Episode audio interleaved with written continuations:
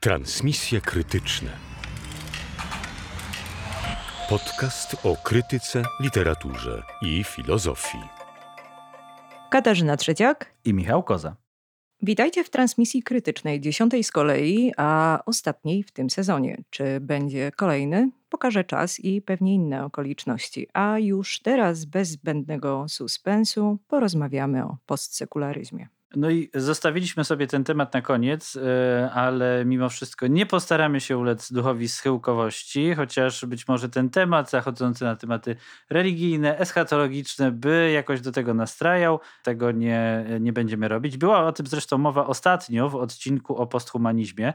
E, pewnie pamiętacie, że tam innymi Rosji Braidotti krytykowała antyhumanizm za wchodzenie w taką samopowtarzającą się retorykę schyłkowości, której mówimy tutaj Kategoryczne nie.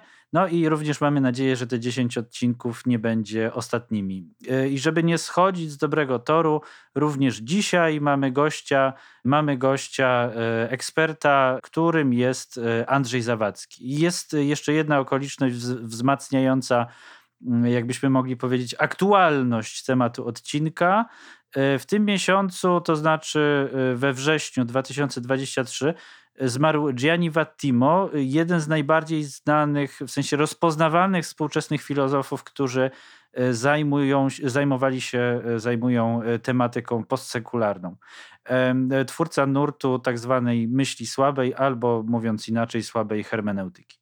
Osoby, które nas śledzą, zauważyły na pewno, że na początku każdej transmisji mamy tak zwany moment definicyjny, co oznacza, że w punkcie wyjścia przedstawiamy jakieś kluczowe e, zagadnienie, istotny problem bądź wiążące pojęcie, po to, żeby rozpędzić naszą krytyczną maszynę. Czy tym razem będzie inaczej? Z całą pewnością nie. A zatem pora na cytat o postsekularyzmie.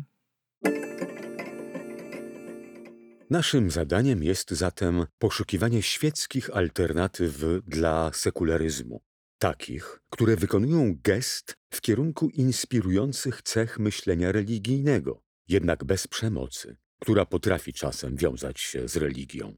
Paradoksalnie chodzi tu o znalezienie niesekularnego sekularyzmu, niereligijnej religii. To w tym szerokim sensie posługuje się tutaj terminem postsekularny. Postsekularne możliwości, ku którym prowadzą nas pisarze poprzez literaturę, nie są antyświeckie, nie oznaczają porzucenia sekularyzmu i zwrotu ku religii. To, co postsekularne, nie agituje za sekularyzmem, ani też nie sentymentalizuje religii.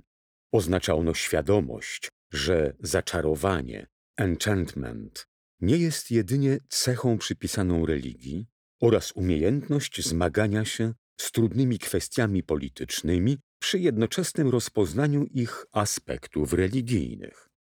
Manaf Ratti The Post-Secular Imagination Postcolonialism, Religion and Literature Rutledge, New York and London 2013.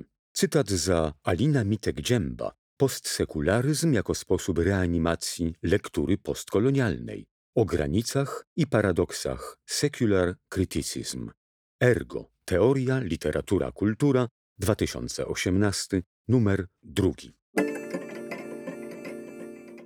Termin postsekularyzm odnosi się do zróżnicowanych teorii i podejść rozpatrywania powrotu religijności, czy też ponownego otwarcia refleksji nad duchowością, albo do namysłu nad dziedzictwem religii w bardziej świeckim horyzoncie etyki. Szczególnie natomiast myśl postsekularna zajmuje się losami religii w nowoczesności, losami religii i przeobrażeniami jej form.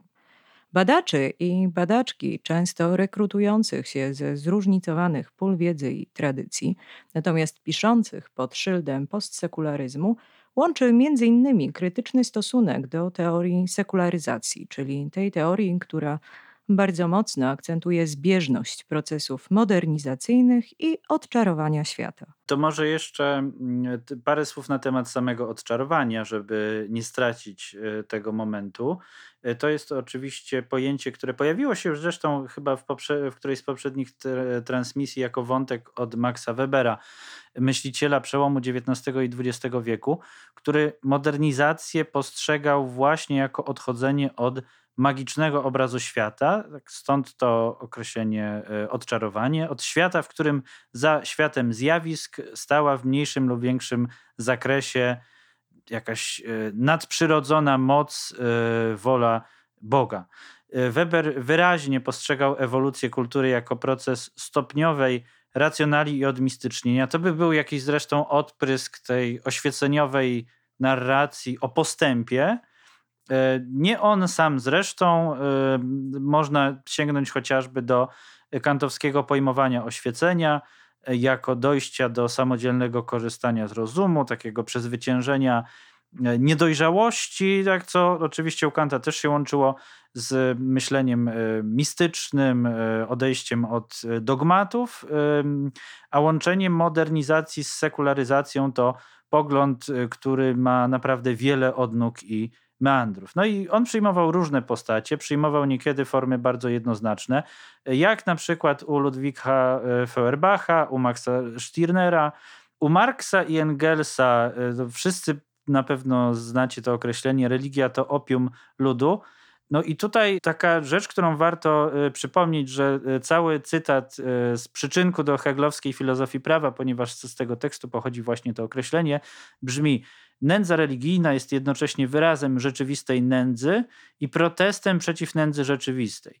Religia jest westchnieniem uciśnionego stworzenia, sercem nieczułego świata, jest duszą bezdusznych stosunków. Religia jest opium ludu, bo e, zwróćcie uwagę, że Oczywiście e, pewnie e, łatwiej dociera do nas ta interpretacja, która później pojawiła się między innymi u Lenina, Później jeszcze była przez e, w tych e, jakby dyskurs e, stalinowski wzmacniana to połączenie opium dla ludu religia. Natomiast w tym źródłowym cytacie to jest ciekawe, że to jest temat potraktowany bardziej od strony ludu. Nie, że są jacyś oni wyzyskiwacze, uciskacze, którzy tak zrzucają to opium. Tak jak ostatnio dostałem alarm RCB o tym, że z helikopterów będzie zrzucana szczepionka dla lisów i żeby uważać, nie wychodzić i nic nie zjadać.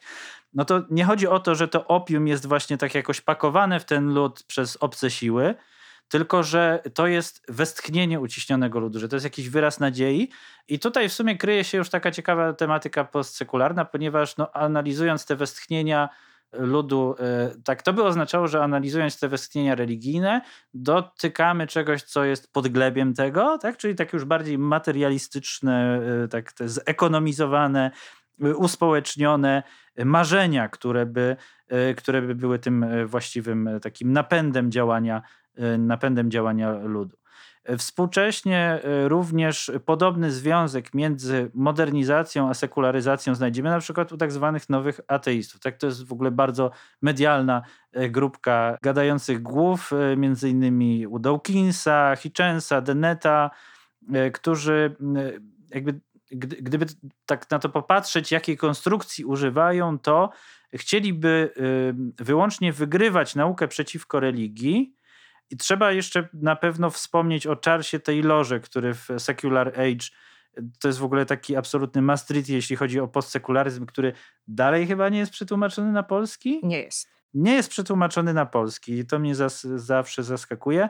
No chociaż pewnie każdy, kto chce się zajmować akurat postsekularyzmem, to może sobie do tej książki dotrzeć.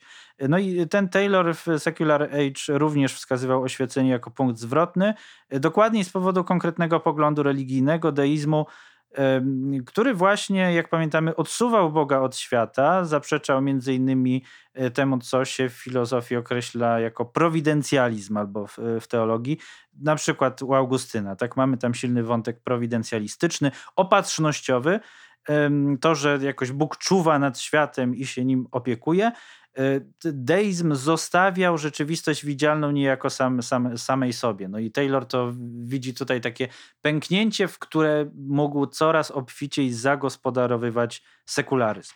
Postsekularyzm będzie czymś ciut innym, tak? nie będzie takim właśnie wygrywaniem e, ciągłym e, rozumu przeciwko religii, e, sprowadzaniem jej wyłącznie do absurdu jako czegoś zupełnie poza naszym torem, poza kulturą i cywilizacją, ale próbą przemyślenia co oznacza, nawet jeśli się z tym dyskursem nie zgadzamy, jego obecność, żywotność dzisiaj. No i to jest zresztą podobny sposób myślenia, nie wdając się w detale, jaki ostatnio opisaliśmy u Braidotti, Y, która odróżnia posthumanizm zarówno od humanizmu, ale też powojennego antyhumanizmu. Tak? Więc jakby stara się w tym post przekroczyć obie te pozycje, afirmację i czystą negację, to post y, ma być takim właśnie spekulatywnym jej przekroczeniem. No i to się przekłada na próby uchwycenia, czy coś z religii zostało, w przestrzeni dyskursywnej, czy na przykład dyskurs religijny jest źródłem albo podglebiem pewnych pojęć czy wyobrażeń,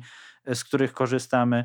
E, tak jak, no nie wiem, taka z, z jednych takich bardziej rozpowszechnionych tez, które przeniknęły gdzieś do, to z Samuelem Nowakiem rozmawialiśmy o skapywaniu dyskursu akademickiego, że superbohaterowie to sekularyzowane postacie boskie. Tak? No i to, to by właśnie była taka teza z ducha postsekularna. E, nie musi to oznaczać deklaracji religijnej, chociaż też są takie nurty postsekularyzmu, na czele na przykład z brytyjską radykalną ortodoksją, ale e, wystarczy po prostu uznanie, że jest tutaj coś do przemyślenia, że nie można po prostu tej tematyki mm, odstawić. Będzie to oznaczać między innymi pogodzenie się z tym, że modernizacja nie oznacza od razu przezwyciężenia mitu, nie jest to takie proste do zrobienia, ale ma formułę dialektyczną. Oznacza jakąś formę napiętego współistnienia. A to przecież wątek z pierwszego odcinka i omówienia dialektyki oświecenia Adarna i Horkheimera, więc w tym ostatnim odcinku sezonu zaczamy takie koło i wracamy e, jakby rondem do e, odcinka pierwszego. Piotr Bogalecki, literaturoznawca, autor książki Szczęśliwe winy teolingwizmu, książki, która pojawi się jeszcze w naszej rozmowie z Andrzejem Zawadzkim. Za początek myśli postsekularnej, rozumianej tutaj jako interdyscyplinarny nurt we współczesnej refleksji humanistycznej, uznaje wygłoszony w miesiąc po 11 września 2001 roku frankfurski wykład Jurgena Habermasa, wykład zatytułowany Wierzyć i wiedzieć. Tekst tego wykładu możecie znaleźć w e, miesięczniku Znak z 2002 roku w przekładzie Małgorzaty Łukasiewicz. Zaproponowane przez e, Habermasa pojęcie społeczeństwa postsekularnego czyli takiego, w którym w otoczeniu wciąż podlegającym sekularyzacji nadal istnieją wspólnoty religijne, to pojęcie sprzyjać miało ponownemu przemyśleniu konstytucji oświeceniowego, świeckiego rozumu, co w kontekście ataków na World Trade Center wydawało się szczególnie naglące i pożądane. Przy czym warto dopowiedzieć, że w jednym z pionierskich na gruncie polskiej humanistyki artykule o postsekularyzmie Michał Warhala pokazywał, że prawdopodobnie jako pierwszy tego terminu użył Franz Rosenzweig w latach dwudziestych XX wieku. I Rosenzweig pisał o postsekularyzmie jako próbie ocalenia transcendencji w odczarowanej nowoczesności. Postsekularyzm Rosenzweiga prowadził do filozofii mesjanizmu jako antidotum na nowoczesne lęki. Te lęki, które związane były z utratą takiego poczucia sensu w obliczu tworzenia racjonalnych zasad społecznego ładu. Słowo sekularyzacja miało najpierw prawne znaczenie przymusowego wywłaszczenia dóbr kościelnych na rzecz świeckiej władzy państwowej. To znaczenie przeniosło się na narodziny nowoczesnej kultury i społeczeństwa. Odtąd z sekularyzacją wiążą się przeciwstawne oceny, w zależności od tego, czy chcemy uwydatnić skuteczne poskromienie autorytetu kościelnego przez władzę świecką, czy też akt bezprawnego zawłaszczenia. Wedle jednego ujęcia religijne sposoby myślenia i formy życia zostają zastąpione przez rozumne, a w każdym razie wyższe ich ekwiwalenty. Drugie ujęcie dyskredytuje nowoczesne formy myślenia i życia jako dobra bezprawnie zagarnięte. Model wyparcia sugeruje interpretację odczarowanej nowoczesności w duchu postępowo-optymistycznym. Model wywłaszczenia interpretację bezdomnej nowoczesności w duchu teorii upadku. W obu ujęciach jest ten sam błąd. Rozpatrują sekularyzację jako rodzaj gry o sumie zerowej między uwolnionymi przez kapitalizm siłami wytwórczymi nauki i techniki z jednej strony, a utrzymującymi się potęgami religii i kościoła z drugiej. Jedna strona może wygrać tylko kosztem drugiej, i to zgodnie z liberalnymi regułami, sprzyjającymi napędowym siłom nowoczesności. Ten obraz nie pasuje do społeczeństwa postsekularnego, czyli takiego, gdzie w otoczeniu wciąż podlegającym sekularyzacji nadal istnieją wspólnoty religijne. Pomija cywilizującą rolę demokratycznie oświeconego common sense, zdrowego rozsądku, który w bitewnym zgiełku toruje sobie własną drogę poniekąd jako trzecia partia między nauką a religią. Zapewne z punktu widzenia liberalnego państwa na określenie rozumne zasługują tylko te wspólnoty religijne, które z przekonania wyrzekają się narzucania przemocą prawd wiary i stosowania przymusu sumienia wobec swoich członków, a tym bardziej manipulacji wiodących do samobójczych zamachów. Owo przekonanie wynika z trojakiej refleksji wierzących nad własną sytuacją w pluralistycznym społeczeństwie. Po pierwsze, religijna świadomość musi uporać się z poznawczym dysonansem, jakim jest zetknięcie z innymi wyznaniami i religiami. Po drugie, musi dostosować się do autorytetu nauk, które mają społeczny monopol na wiedzę o świecie. Wreszcie musi uznać przesłanki państwa konstytucyjnego, oparte na moralności świeckiej. Bez tych aktów refleksji monoteizmy w bezwzględnie zmodernizowanym społeczeństwie wytwarzają destrukcyjny potencjał.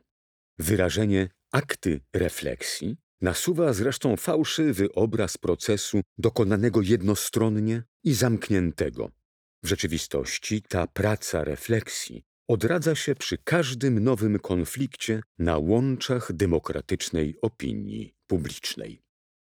Jurgen Habermas Wierzyć i wiedzieć w przekładzie Małgorzaty Łukasiewicz. Znak 2002, numer 568. Wypowiedź Habermasa traktowana była jako przykład postsekularnego lęku. Tak e, pisała o tym stanowisku Rosie Braidotti, pokazując, że to, co się przydarza Habermasowi, to rodzaj moralnej paniki. Takiej paniki, która jest podsycana przez współczesną ekonomię polityczną, strachu i terroru. Braidotti pokazywała, że w gruncie rzeczy Habermas reprezentuje taką e, postawę, którą kolokwialnie można byłoby określić jak trwoga to do Boga. Z kolei sama Braidotti zainteresowana była zwrotem postsekularnym w feminizmie i przekonywała, że kondycja postsekularna oznacza taką wizję świadomości, w której krytyka powiązana jest z afirmacją, afirmacją, która zajmuje miejsce negatywności. A zatem ten postsekularyzm w ujęciu Braidotti to jest również antidotum na dominancję takiej postawy krytycznej, którą Braidotti nazywała redukcjonistyczną, takiej postawy, której gdzieś źródła można byłoby lokować w teorii krytycznej, oczywiście bardzo specyficznie tutaj przez Braidotti traktowanej. Ze względu na pierwsze zdanie tego fragmentu z Habermasa, tak, gdzie e, Habermas robi taką wycieczkę etymologiczną, to znaczy tłumaczy, co oznaczało najpierw słowo sekularyzacja. Tak mówi, że to oznaczało prawnie przymusowe wywłaszczenie dóbr I to mnie jakoś zainspirowało do tego, żeby dołożyć tutaj drobiazg historyczny. Uwaga, więc tutaj przechodzimy z dyskursu filozoficznego na historię, ponieważ e, sama genealogia pojęcia sekularyzacji to częsta figura w tekstach badaczy, którzy się tym zajmują. I to jest w ogóle nie pierwszy raz, kiedy jakiś nurt teorii krytycznej ma takie figury retoryczne, z których wszyscy chętnie korzystają i tak jest na pewno tutaj właśnie z tym, że odnoszą się do konkretnych momentów historycznych. I tutaj można mieć na myśli dwa wydarzenia. Pierwsze z tych wydarzeń to jest pokój westfalski z 1648 roku, pokój, który skończył wojnę trzynastoletnią, no i którego jednym z postanowień była sekularyzacja części biskupstw. Tak, tam było bardzo dużo postanowień, natomiast jedna z nich i rzeczywiście tutaj jak się poczyta te teksty e, badaczy postsekularyzmu, to oni tak mówią, no to sekularyzacja tak jak tam w pokoju westfalskim. No i drugie wydarzenie to jest tak zwana wielka sekularyzacja z 1803 roku w Niemczech, e, która wiązała się już z całkowitym upaństwowieniem wszystkich dóbr kościelnych. E, to się jeszcze działo pod hegemonią Napoleona, który właśnie wtedy na początku XIX wieku robił w Europie totalne przemeblowanie. No i teraz fan fakt jest taki, że niektórym badaczom te dwie sekularyzacje wyraźnie się mieszają. Pewnie natraficie, jeśli się czytacie w ten dyskurs, to natraficie na takie momenty. No i przypisują na przykład pokojowi westfalskiemu sekularyzację wszystkich dóbr, albo ten pokój westfalski przenoszą w XIX wiek. No nie. E, teraz już wiecie, e, to jeśli będzie jakiś pożytek z naszego podcastu, to przynajmniej już nigdy te dwie rzeczy wam się nie pomylą, ale e, Kasia wspomniała o ważnym stanowisku Rosji Braidotti w debacie o postsekularyzmie, więc teraz przekażmy na chwilę przynajmniej głos Braidotti. Moja teza wyjściowa brzmi następująco. Zwrot postsekularny rzuca wyzwanie europejskiemu feminizmowi, ponieważ uwidacznia to, że siła sprawcza czy też polityczna podmiotowość może być w istocie przekazywana i wzmacniana przez religijną pobożność. Może też zawierać znaczną dozę duchowości. Sformułowanie to niesie ze sobą ważne konsekwencje, mianowicie takie, że polityczne sprawstwo nie musi być krytyczne w negatywnym sensie bycia opozycyjnym, a tym samym nie musi mieć na celu tylko i wyłącznie tworzenia przeciwpodmiotowości, counter-subjectivities. Podmiotowość jest raczej procesualną ontologią autopoiesis, czy też autostylizacji, która wymaga złożonych, nieprzerwanych negocjacji z dominującymi normami i wartościami, a tym samym wielorakich form odpowiedzialności. Obszarem, w którym wyraźnie dają się dostrzec szczątkowe ślady duchowości, jest obecnie rozwijająca się myśl neowitalistyczna. Teoria społeczna od początku poststrukturalizmu podkreślać zaczęła materialnie ugruntowane, przeobrażeniowe procesy stawania się. Złożoność społeczności obecnych w sieci, czy też biowładzę w sensie polityki dotykającej fizyczności.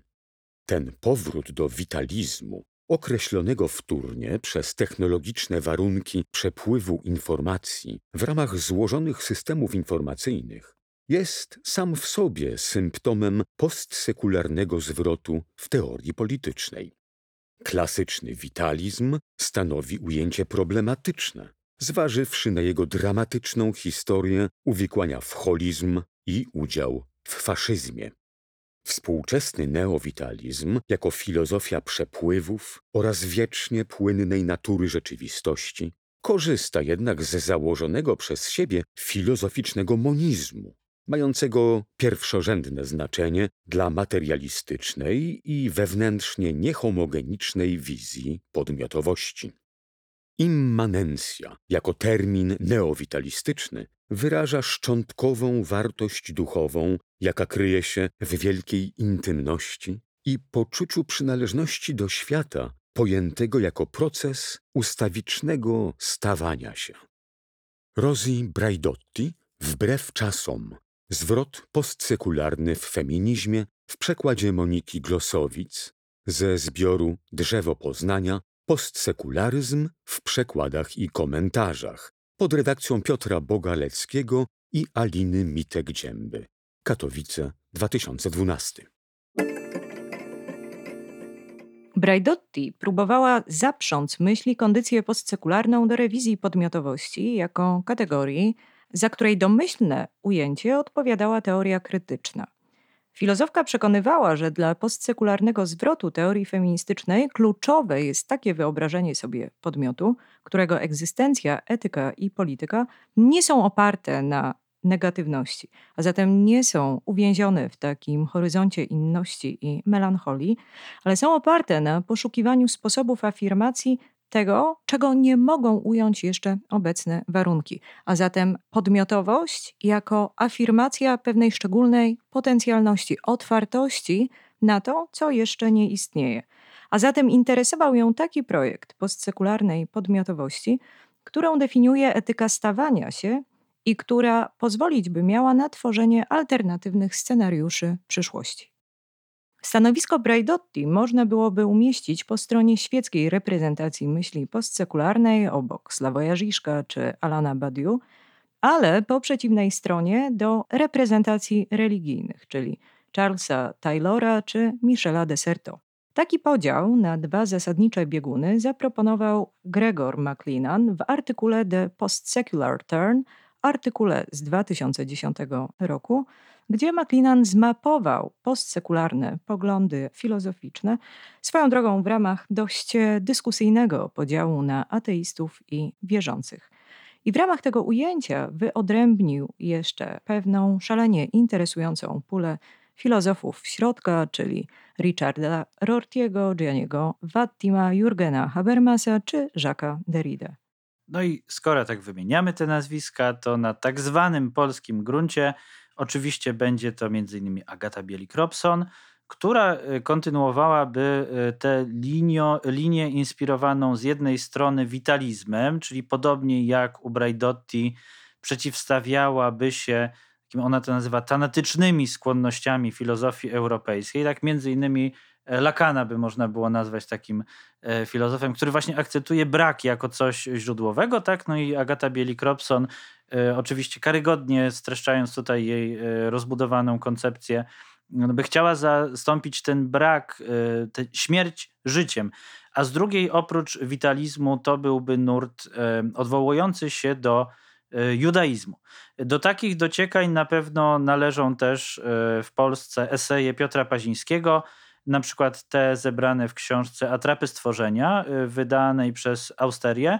Y, idąc dalej, dopiero co, bo pod koniec 2022 roku ukazała się przecież książka Piotra Sadzika y, pod tytułem Regiony Pojedynczych Herezji, który zbliża pojęcia z dyskursu religijnego, dokładnie postawę marańską, do badań literaturoznawczych. Maran e, to byłby, jak tłumaczy słownik PWN, portugalski lub hiszpański Żyd, który przyjął chrzest w celu uniknięcia prześladowań religijnych, w ukryciu praktykując judaizm i tę postawę marańską e, Sadzik odnosi do literatury.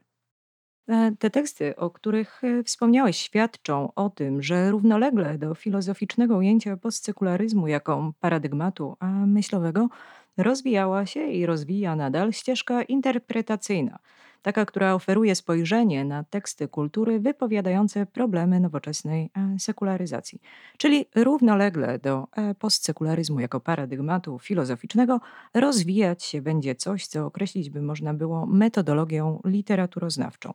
O odmianach tej literaturoznawczej metodologii na gruncie polskim pisała Karina Jarzyńska artykule, który ukazał się jeszcze w 2012 roku na łamach tekstów drugich i w takim artykule, który wprost traktował postsekularyzm jako wyzwanie dla teorii i historii literatury. Omawiając stanowiska zagranicznych teoretyków i badaczy, Jarzyńska wskazywała, że łączy ich nastawienie na tekstowe dekonstrukcje opozycji tego, co świeckie i religijne.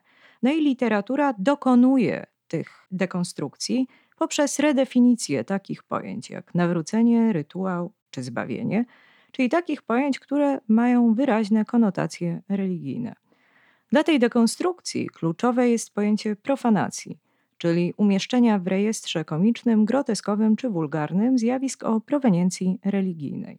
Jak pisała Jarzyńska, sprofanowany dyskurs religijny zostaje następnie wykorzystany do zbudowania duchowości nowego typu, takiej duchowości, która jest e, bardziej prywatna, fragmentaryczna, no i świadoma umowności granic pomiędzy tym, co święte i świeckie, jak też takiej religijności, która charakteryzuje się świadomością co do opresji samej tej dychotomii świeckie, religijne. Spojrzenie na profanację, bliskie rozumieniu, jakie nadał temu pojęciu e, Giorgio Agamben, to jest właśnie ta perspektywa, którą pokazywała Jarzyńska, wskazując również, że istotnym dla postsekularyzmu filozofem jest właśnie autor profanacji.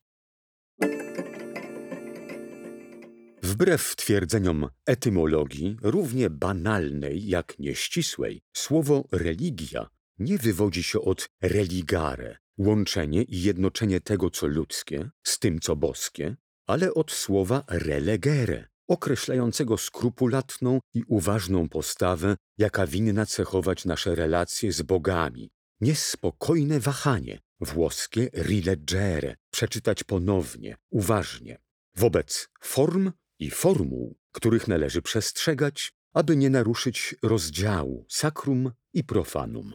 Religio nie jednoczy ludzi z bogami. Przeciwnie, czuwa nad ich wzajemnym oddzieleniem. Tak więc religii przeciwstawia się nie tyle sceptycyzm czy indyferencja wobec spraw boskich, ile raczej niedbałość. To znaczy zarazem swobodna i rozproszona, oderwana od religio norm postawa wobec rzeczy i użytku, jaki z nich czynimy, wobec form separacji i ich znaczenia. Profanować to dopuszczać możliwość szczególnej niedbałości, która ignoruje oddzielenie, a właściwie znajduje dla niego specyficzne zastosowanie. Przejścia od sakrum do profanum można bowiem dokonać przez całkowicie niestosowne używanie świętości, a właściwie jej reutylizację. Mam na myśli zabawę. Wiadomo, że dziedziny sakrum i zabawy są ściśle powiązane. Większość znanych nam gier i zabaw wywodzi się z pradawnych obrzędów sakralnych, z rytuałów i praktyk wróżbiarskich, należących niegdyś do szeroko pojętej religii. Zabawa w kółeczko, girotondo, była pierwotnie obrządkiem matrymonialnym. Gra w piłkę odtwarza walkę bogów o panowanie nad słońcem. Źródłem gier hazardowych są praktyki wieszcze. Fryga i szachownica były narzędziami wróżbitów. Emile Benveniste, badając relacje między zabawą a rytuałem, wykazał, że zabawa nie tylko pochodzi ze sfery sakrum, ale też wywraca tę sferę na opak. Potęga gestu sakralnego, jak pisał, wiąże mit opowiadający pewną historię z rytuałem, który ją odtwarza i inscenizuje. Zabawa rozdziera tę jedność jako ludus, czyli gra akcji, rozstaje się z mitem, aby zachować jedynie rytuał. Jako jokus, czyli gra słów, usuwa rytuał i pozwala przetrwać mitowi. Zakładając, że sakrum to konsubstancjalna jedność mitu i rytuału, można powiedzieć, że zabawa jest połowicznym wykonaniem operacji sakralnej, kiedy mit i tylko mit otrzymuje wyraz słowny, a jedynie rytuał przybiera postać działania. Oznacza to, że zabawa odrywa i wyzwala ludzkość od sfery sakrum, nie obalając jednak owej sfery. Użycie, któremu zostaje przywrócone to, co uprzednio poświęcone, nie pokrywa się ze zwykłą konsumpcją. Profanacja związana z zabawą nie dotyczy bowiem li tylko obszaru religijnego. Dzieci, które bawią się każdym śmieciem, jaki im wpadnie w ręce, potrafią traktować jak zabawkę rzeczy należące do sfery ekonomii, wojny, prawa oraz innych dziedzin zwyczajowo uznawanych za poważne. Samochód, broń palna, umowa cywilnoprawna stają się raptem zabawkami. Tym, co łączy te przykłady z profanacją świętości, jest przejście od religią, postrzeganej jako fałszywa i opresyjna, do niedbałości pojmowanej jako vera religio. Ta niedbałość nie oznacza braku zaangażowania. Dzieci są często całkowicie pochłonięte zabawą, ale nowe zastosowanie, które dzieci i filozofowie odkrywają i przekazują ludzkości. To właśnie miał na myśli Walter Benjamin, kiedy pisał, że prawo, które już nie jest stosowane, lecz jedynie studiowane, to wrota sprawiedliwości. Podobnie religio, już nie przestrzegana, ale taka, z którą można igrać, otwiera wrota użytkowania, a potęgi ekonomii, prawa i polityki, rozbrojone w zabawie, wiodą ku nowej szczęśliwości. Giorgio Agamben Profanacje w przekładzie i ze wstępem Mateusza Kwaterki Warszawa 2006 Mamy więc y, po wysłuchaniu tego cytatu z Agambena w naszym odcinku wyrastającą z ducha postsekularyzmu procedurę krytyczną, czyli właśnie profanację.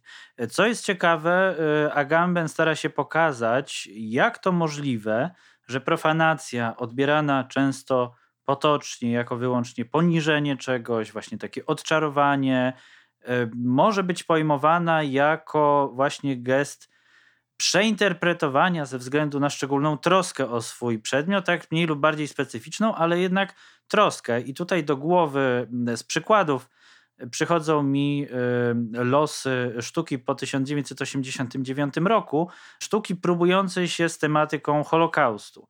Y, jest między innymi taki tekst y, Przemysława Czaplińskiego pod tytułem Zagłada i profanacje. Jest on dostępny w internecie w całości. No i tam właśnie Czapliński stara się pokazać, jak sztuka po 89 poprzez profanację no, nie chciała wywrócić tego tematu e, po to, żeby przestać się nim zajmować, tylko żeby właśnie jakoś rozszczelnić ten dyskurs do, na możliwość reinterpretacji e, tematyki holokaustowej. Ten e, przykład zagłady jest tutaj szalenie istotny i też myślę, że bardzo, bardzo dobrze pokazuje, jaka jest stawka profanacji, dlatego że Czapliński stara się popatrzeć na takie przykłady i z pola sztuk e, wizualnych i literackich, które wprowadzają do mówienia, pokazywania zagłady jakieś elementy niestosowności, tak? czyli na przykład obóz koncentracyjny e, z klocków Lego e, Zbigniewa Libery, który próbował wprowadzić takie środki pozornie trywializujące pamięć zagładową, Natomiast w gruncie rzeczy na nowo przywracające tematykę zagłady naszej wrażeniowości. No bo jeśli pomyślimy sobie o takim e, rejestrze reprezentacji zagłady, bardzo e, wysokim, pełnym symboli, które dobrze znamy i które działają na nas w konkretny sposób, no to można wyobrażać sobie, jak bardzo jesteśmy uodpornieni na pewne typy e, reprezentacji. Natomiast to doświadczenie zdziwienia czy pewnego zszokowania, które udziela się odbiorczyni, na przykład obozu koncentracyjnego z klocków Lego, to jest doświadczenie, które ponownie zwraca uwagę na istotność pamięci o zagładzie. Druga część naszego odcinka, rozmowa z gościem Andrzej Zawadzki, doktor habilitowany, pracownik Wydziału Polonistyki Uniwersytetu Jagiellońskiego oraz dyrektor Ośrodka Międzywydziałowych Indywidualnych Studiów Humanistycznych i e, Społecznych. Zaprosiliśmy mm, naszego gościa, mając pewność na poszerzenie pola naszego komentarza o postsekularyzmie, a źródłem tej pewności są innymi książki Andrzeja Zawadzkiego, literatura, a myśl słaba oraz obraz i ślad. Te książki są dla nas istotne, dlatego że uruchomiona zostaje w nich bardzo konkretna perspektywa myśli postsekularnej, ale nie tylko, dlatego że ta perspektywa działa również jako zestaw narzędzi interpretacyjnych. Książki obie pokazują, w jaki sposób można czytać teksty literackie, mając do dyspozycji różne postsekularne mm, narzędzia i pojęcia. Myślę, że o tym szczególnie porozmawiamy. Witamy Cię, Andrzeju, i bardzo dziękujemy za przyjęcie naszego zaproszenia. Ja Was również e, bardzo serdecznie witam i ze swojej strony też dziękuję za zaproszenie. No i muszę powiedzieć e, osobistym tonem, że bardzo się cieszę, że możemy znowu się spotkać w innych okolicznościach niż spotkaliśmy się dotychczas, ale bardzo ciekawych e, no i takich odświeżających naszą znajomość również, mam nadzieję. To prawda. Cieszymy się strasznie i korzystając z tego, że mamy tutaj Ciebie jako eksperta, zapytamy e, na początek, e, ponieważ e, czytając o postsekularyzmie możemy się natknąć na gąszcz definicji, problemów, jakby różne spojrzenia na to pole badawcze. Więc na początek, jak Ty proponowałbyś rozumieć postsekularyzm i czym postsekularyzm różniłby się od tego, co ogólnie nazywamy procesami sekularyzacyjnymi? Dobrze, zacznę może no oczywiście od tego, że, że ekspertem się nie czuję w tych, w tych kwestiach, natomiast wydaje mi się, że o postsekularyzmie można by mówić co najmniej w dwóch znaczeniach. Pierwsze znaczenie to byłoby znaczenie węższe, bardziej skonkretyzowane, a drugie szersze. Odpowiadając na pierwszą część pytania, bo, bo w Twoim pytaniu wyczułem dwa takie wątki, czyli e, jak rozumieć postsekularyzm oraz po pierwsze, a po drugie, czym on się różni od procesów sekularyzacyjnych. Więc wracając do pierwszego, myślę, że to węższe rozumienie postsekularyzmu to byłoby to, które proponuje głównie Agata Bielik-Robson w swoich pracach, czyli no mówiąc ogólnie, e, ona stara się odróżnić tę tradycję postsekularną, która ją interesuje, czyli związaną głównie z myślicielami a powiedzmy żydowskimi, prawda, początku wieku XX, Benjaminem między innymi i innymi, ale też później oczywiście Derridą. Wiem, że, że właśnie dbała też o, o to, żeby nie rozmywać tego pojęcia postsekularyzmu zbyt szeroko, tylko ograniczyć do pewnej konkretnej tradycji. Jakiej, no to, to może już teraz o tym więcej nie ma sensu mówić. Natomiast drugie rozumienie to byłoby rozumienie szersze, Y, mniej konkretne, y, co byłoby jego może pewną y, wadą, no, pojęcie bardziej konkretne, tym, tym oczywiście lepsze, no bo pokrywa pewien jakiś zdefiniowany desygnat, co jest bardzo ważne. Natomiast szersze, no i pokrywałoby się z takim zjawiskiem, które, które to szersze rozumienie postsekularyzmu, z takim zjawiskiem, które czasami oczywiście mniej konkretnie pojęciowo, definicyjnie, mm, no ale y, tak czy inaczej nazywa się takim powrotem religii w świecie mm, współczesnym i to zjawisko byłoby szersze o tyle, że no pewnie by też mieściło się w nim to y, rozumienie postsekularyzmu, o którym wcześniej y, wspominałem, natomiast może jego tego pojęcia powrotu religijności, prawda, czy tego, no niech już będzie to szersze rozumienie postsekularyzmu. Zaletą byłoby to, że obejmowałoby więcej zjawisk, które nie mieściłyby się w tym e, węższym rozumieniu e, i też wskazywałoby na to, że jest to zjawisko dużo bardziej powszechne, mm, powiedzmy gdzieś od lat 80., 90., no mówmy o takich granicach mm, przybliżonych. No i tutaj właśnie e, patrząc na Y, literaturę, na to, kto o tym pisał, no to właściwie można by powiedzieć, że y, zauważyć, że właściwie większość takich najważniejszych współczesnych myślicieli tak czy inaczej o tym zjawisku powrotu religii, czy jakimś y, no właśnie postsekularyzmie, jeżeli rozumiemy to zjawisko jako taki odwrót od sekularyzacji, czy skazanie na pewne ograniczenia. O tym pewnie jeszcze będziemy mówić. No i rzeczywiście, e, na przykład jeżeli się przegląda takie amerykańskie readery, Amerykanie są specjalistami prawda, w takich różnych e, readerach, które mają właśnie tytuł, tytuł no, związany z, zawierające prawda, w sobie ten człon postsekularyzmu, czy religii współczesnej, postmodernistycznej. Dużo jest e, takich prac, no to właśnie z tych um, prac, te, które znam z początku nowej e, ery, prawda? nowej dekady, nowej ery, więc pewnie nie są już do końca reprezentatywne, no ale w każdym razie e, widać było, że autorzy reagowali jakoś na bieżąco na to, co już się działo. No i z tychże liderów e, wyborów tekstu można właściwie wnioskować, że no właśnie wszyscy tak naprawdę byli postsekularzystami. Może największym smaczkiem jest to, że jest tam Mm, Kierkegaard, no tam się pojawia często, ale to już troszkę taka większa, y, y, starsza tradycja. No i jest Derrida, Merion, jest Lacan, jest Kristeva, y, no i właściwie bardzo Baudrillard też, prawda? No, co oczywiście wskazuje mm, no, z jednej strony na to, że autorzy w swoim zamierzeniu, znaczy w, w ogóle na ten styl myślenia mm,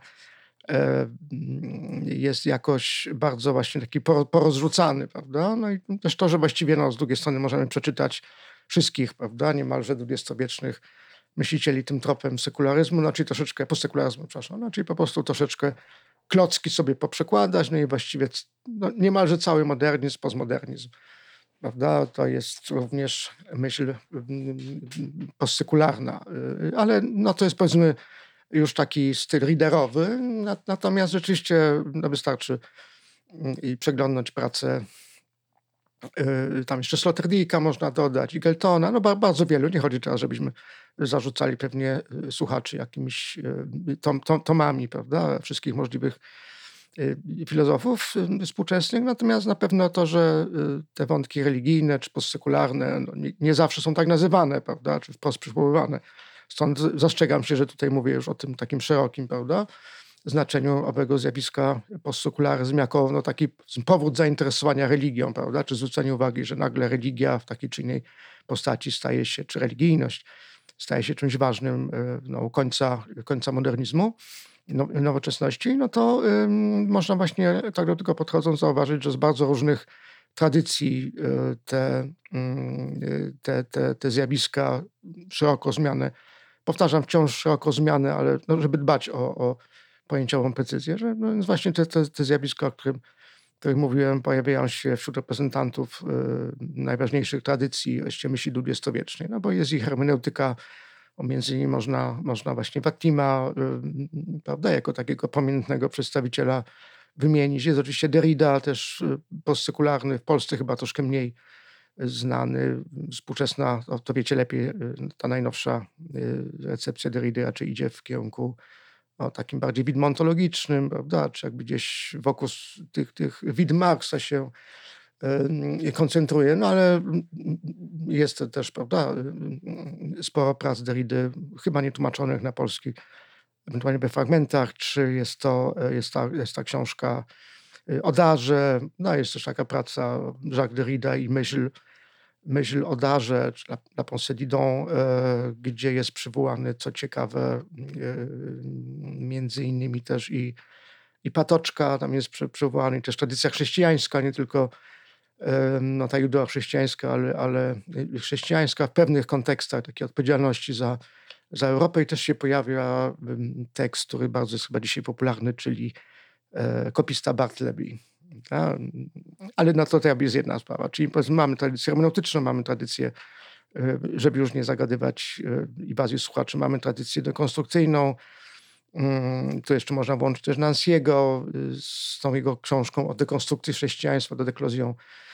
Fragmenty są chyba tłumaczone, mm, o ile wiem, na polski. No jest i też i, i, no i właśnie Baudrillard, który pisząc o tych symulakrach, no, w pewien sposób nawiązuje też do, do różnych takich wątków e, religijnych, żeby jeszcze wrócić do Derrida, wieże, wieże Babel, prawda?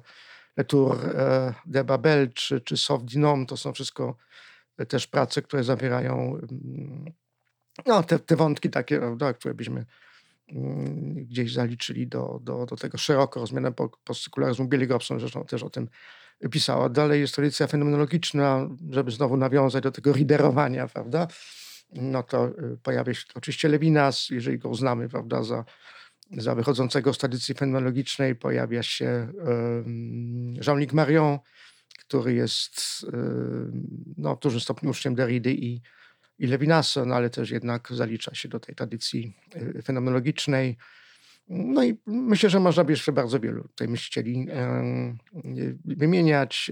Ja bym się może skupił właśnie na tym wątku no, tych trzech, niech będzie, prawda, no, takich tradycji, które może są szczególnie istotne, czyli ta fenomenologiczna, hermeneutyczna i no, szeroko pojęta dekonstrukcyjna. Mm, y, Czyli no, widać, że jest bardzo wielu, prawda, podsumowując ten wątek, że jest bardzo wielu y, różnych ym, tradycji, y, to zjawisko szeroko rozumianego postsekularyzmu jest omawiane, a może właśnie świadczy to o tym, że, że gdzieś tkwiło, prawda, tylko nie było widoczne dotychczas właśnie w tych różnych, różnych mm, tradycji. Oczywiście no, to są te, które nie są jakoś tam najbliższe i, i, i no, dla mnie najbardziej inspirujące, no ale rzecz jasna pewnie można by bardzo wiele innych też, prawda, mm, myślicieli tutaj wymienić równie ważnych.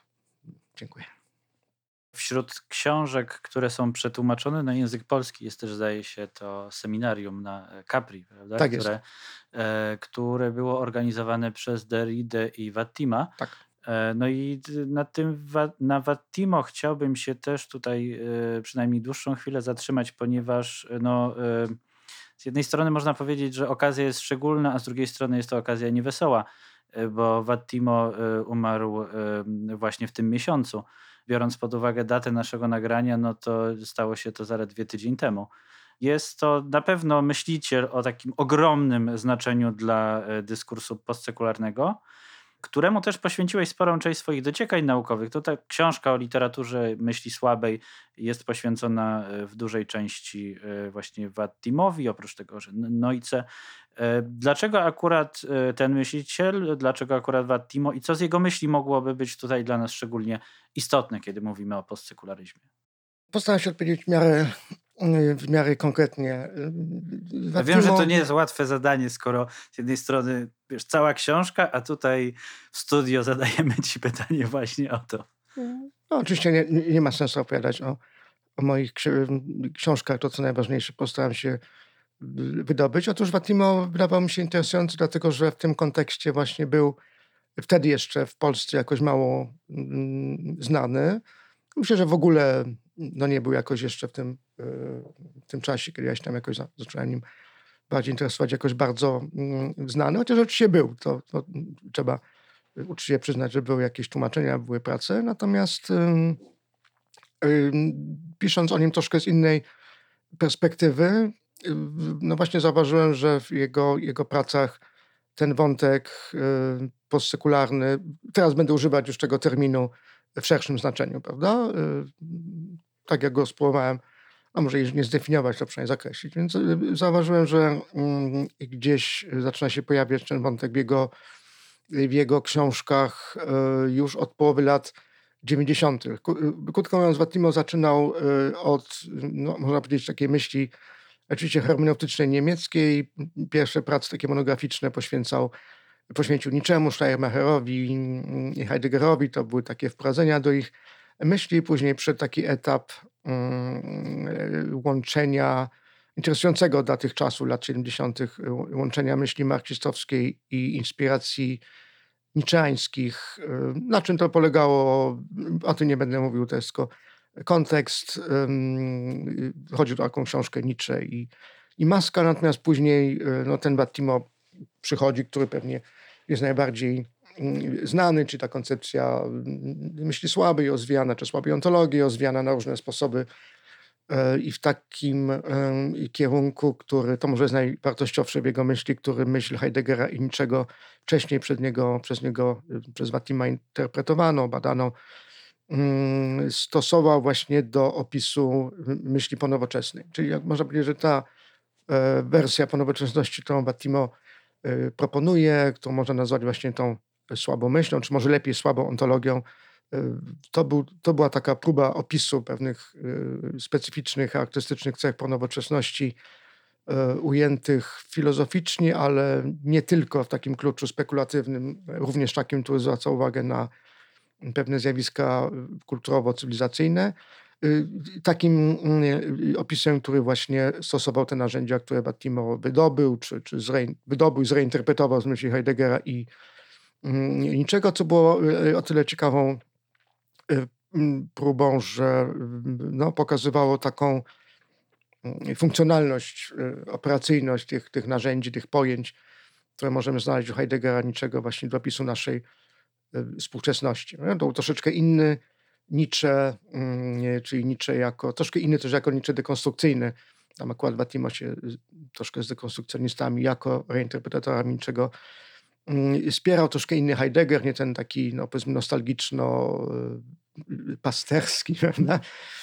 Stróż bycia i tak dalej. prawda? Nie ten z chatki w górach. no właśnie, nie ten z chatki w górach, nie ten taki egzystencjalny, no tylko właśnie jako filozof, który no niejako avant la lettre, prawda, no bo to mamy do czynienia z pracami z lat 30., 40., no nie- niech to będzie nawet ten późny Heidegger z lat 50., prawda, no ale tak czy inaczej myśliciel, który w języku mm, filozoficznym, tym swoim bardzo trudnym, takim specyficznym, no po prostu dał nam jakiś opis, no właśnie tak, no jeszcze z perspektywy w sumie, no nie wiem, czy, czy, czy środka, ale w każdym razie pełnej, prawda, nowoczesności jednak, a nawet takiego jej, mm, takiej kulminacji, prawda, jeżeli weźmiemy heideggerowskie rozumienie tego pojęcia nowoczesności, czy to Gestell, prawda, ten zestaw metafizyka, nauka, technika, no to lata 30., 40., no to jest kulminacja prawda, tego technicznego myślenia o świecie no pod postacią potworną, prawda, jak, jak wiemy, tego zawłaszczenia świata. No więc właśnie z, z perspektywy powiedzmy no, pełnej jeszcze nowoczesności Heidegger już zapowiedział jej e, kres, wyczerpanie się, prawda, czyli to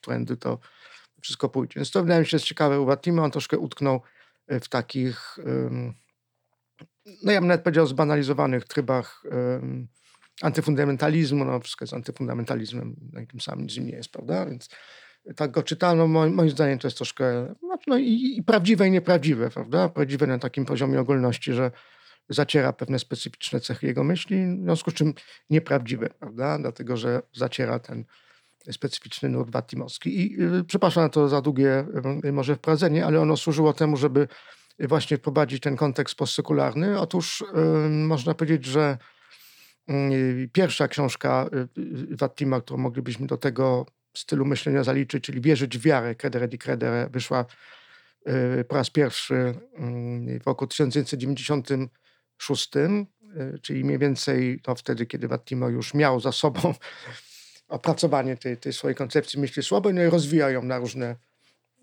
kierunki, prawda? czerpiąc różnych inspiracji, ale też oczywiście bardzo y, twórczo. Ta książka zresztą później miała też bardzo wiele mm, wydań, była y, popularna. No i tam można powiedzieć, że gdzieś właśnie ten wątek postsykularyzmu mm, y, się przejawia jako pewna, może nie wersja, ale jako pewny wątek czy aspekt tej ogólnej konstrukcji jego słabej ontologii. Otóż, najkrócej mówiąc, i tu przychodzę do tego drugiego pytania od strony pierwszego, prawda? Czym się różni E, postsekularyzm od tych procesów sekularyzacyjnych, tak? bo tak brzmiało twoje pytanie.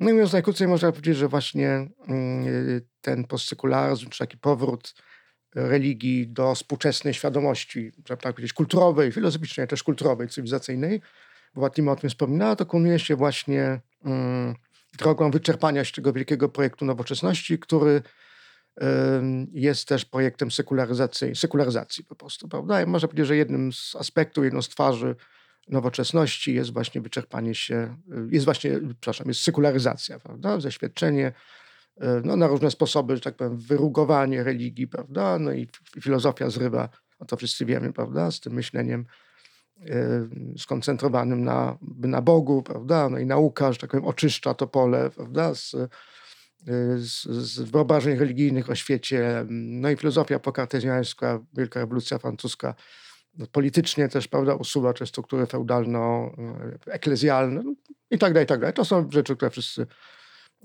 y, wszyscy wiemy, czyli no, w momencie, kiedy ta wielka y, narracja nowoczesności, czy ta narracja postępu, prawda, nieustannego rozwoju, takiego, który jakby zostawia w tyle, czy, czy unieważnia usuwa nawet y, no, te takie przednowoczesne formy myślenia religijno-magiczne, no, prawda, czy, czy takie no, niezgodne z paradygmatem właśnie tym, tej nowoczesnej metafizyki y, nauki.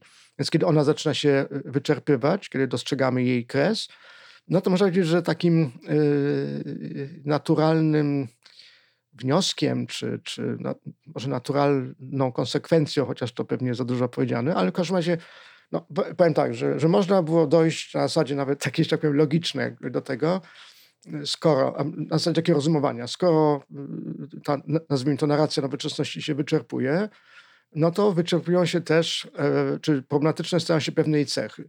Pewną cechą nowoczesności jest właśnie sekularyzacja, no i wniosek, może być sylogizm z tego, prawda, jest taki, no, że musimy dojść do, do takiej y, konkluzji, mianowicie, że mm, ten kres nowoczesności, czy wyczerpanie się nowoczesności pociąga, albo może przynajmniej pociągać za sobą również kres sekularyzacji. Czym jest kres sekularyzacji? No to jest to, że nagle religia, prawda, zjawisko religijności szeroko pojęte, na nowo nam się pojawia.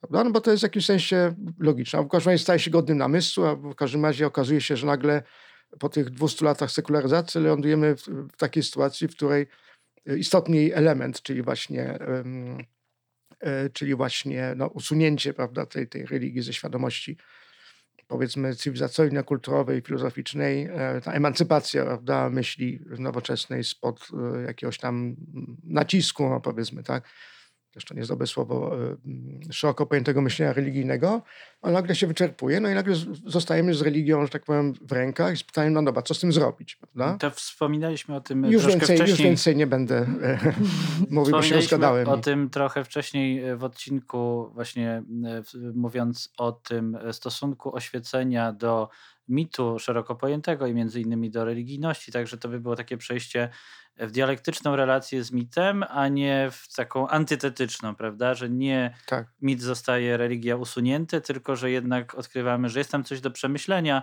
no bo tego związku, tak. jakkolwiek byśmy chcieli, tak łatwo się, e, tak łatwo się nie pozbędziemy. Tak, tak. Myślę, że to jest e, świetne e, podsumowanie tego, co ja tak przydługo tutaj rozwijałem. Natomiast jeszcze wracając do, mm, króciutko jeszcze raz do Watima, to on zwraca uwagę również na taki powód religii e, cywilizacyjny. No, to nie jest tylko sprawa filozofów czy, czy teoretyków nowoczesności, no ale też wymienia dwa zjawiska głównie, czyli to, to że no, takim problemem dla Europy staje się fundamentalizm islamski. Prawda? Czyli jakby nagle Europa sekularyzowana, liberalna zderza się z e, cywilizacją, która jest potężną cywilizacją, no nie tylko w sensie, że jest jakimś tam zagrożeniem, prawda? bo to jest no, złe słowo, ale no każda jest stajemy twarzą twarz z cywilizacją, która jest absolutnie oparta na podstawach religijnych. Każda no, może być te takie no, cechy, które na zachodzie są percypowane, bo to znowu, żeby nie popaść w stereotypy. No i nagle da, widzimy, e, widzimy no, nie wiem, no, nie chcę to tak wpychać tej cywilizacji w jakieś antropologiczno-etnograficzne ramy, no ale może widzimy ludzi, którzy którymi byliśmy, to, to jest złe sformułowanie, ale już będę kontynuować, to, to, którzy, którymi byliśmy niejako 300-400 lat temu, prawda? Czyli mocna, mocne, mocne religijne fundamenty całej cywilizacji, prawda? Mniej czy bardziej groźne. Inna sprawa. Druga sprawa to Watimo też e, on ma dość właściwie taki dwuznaczny e, stosunek do, do, do Jana Pawła II. Z jednej strony krytykuje za fundamentalizm, ponieważ to znajduje w jego myśli, a z drugiej strony jednak widzi, że on jednak się bardzo, Jan Paweł II, bardzo się przyczynił do takiego um, uwidocznienia religii. Prawda? To jest ten papież, który wychodzi z muru Watykanu, który jeździ, który gromadzi miliony ludzi na całym świecie, który staje się po prostu postacią medialną. Jakby on wchodzi w media. Niezależnie od tego, czy jesteśmy chrześcijanami, czy nie, no to można powiedzieć, że w pewnym sensie to był człowiek, który jakby no, wyprowadził e, religię, prawda, z tego takiego wąskiego jakiegoś e, kręgu, prawda, takiej no, czysto religijnej wspólnoty. To się stało faktem, by takim faktem jego działalność, jego postać, faktem po prostu medialnym, no jakby takim cywilizacyjnym, no krótko mówiąc. Niezależnie od ocen i od wszystkich innych rzeczy, prawda? No trudno to oczywiście jakoś tam e, jakoś tam pominąć. No więc już konkludując, wydaje mi się, że właśnie Vatimo jest tutaj ciekawym myślicielem, ponieważ no po pierwsze pokazuje to, to zjawisko postsekularyzmu, czy tego wyczerpania się sekularyzacji w świecie nowoczesnym, pokazuje je z własnej perspektywy, to będzie ta perspektywa hermeneutyki radykalnej, czyli tej wywiedzionej z myśli niczego i, i Heideggera. Pokazuje ją zarówno od strony filozoficznej, czy powiedzmy jako y, pewien aspekt tego, tego osłabienia tak, tej słabej ontologii, jeżeli ontologię tu rozumiemy jako takie podstawowe zjawisko, tak po Heideggersku, czyli to, jak, jak rozumiemy bycie, prawda? To tak jak Heidegger tak mówi, no to jak, jak odczuwamy, żeby tak powiedzieć, dzisiaj bycie, co, co jest dla nas bytem, prawda? Znaczy ten byt właśnie staje się słaby, no bo jest jakby ta jego twarda postać substancjalna się rozmywa, czy to w symulakrach, prawda, bodiardowskiej, czy to w rzeczywistości medialnej, jakby takiej ogólnej, jakby to tracimy, prawda, kontakt, no to wszyscy wiemy, prawda, tracimy kontakt z tą twardym faktem, który staje się zapośredniczony, coraz bardziej rozmywa się, staje się fantomowy i tak dalej. No i właśnie e, w tym kontekście e, Watimo umieszcza mm, tą swoją wersję. On raczej chyba się nie posługuje tym pojęciem postsekularyzmu, raczej takiego ritorno di religione, powrotu religii, no ale mm, to już inna sprawa. Natomiast u niego, i to też warto, y, myślę, ten wątek by rozwinąć, ale nie, nie chcę go rozwijać, bo inaczej mm, zaplanowaliście tę rozmowę.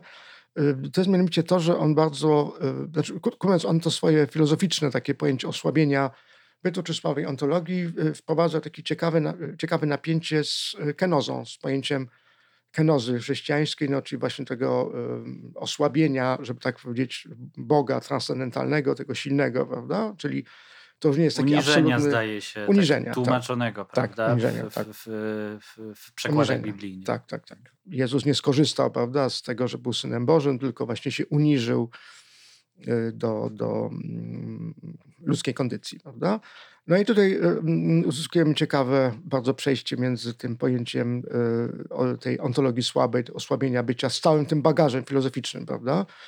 y, który Vattimo mu nadaje, czyli po prostu dla niego nowoczesność, właśnie ponowoczesność to jest po prostu osłabienie bycia, prawda? Ta słaba ontologia. I tutaj bardzo ciekawe, nie, takie nietrywialne połączenie y, mm, się nam y, rysuje, a zatem połączenie właśnie tej słabej ontologii z y, podstawą myśli chrześcijańskiej, czy, czy w ogóle chrześcijaństwa, czyli wcieleniem.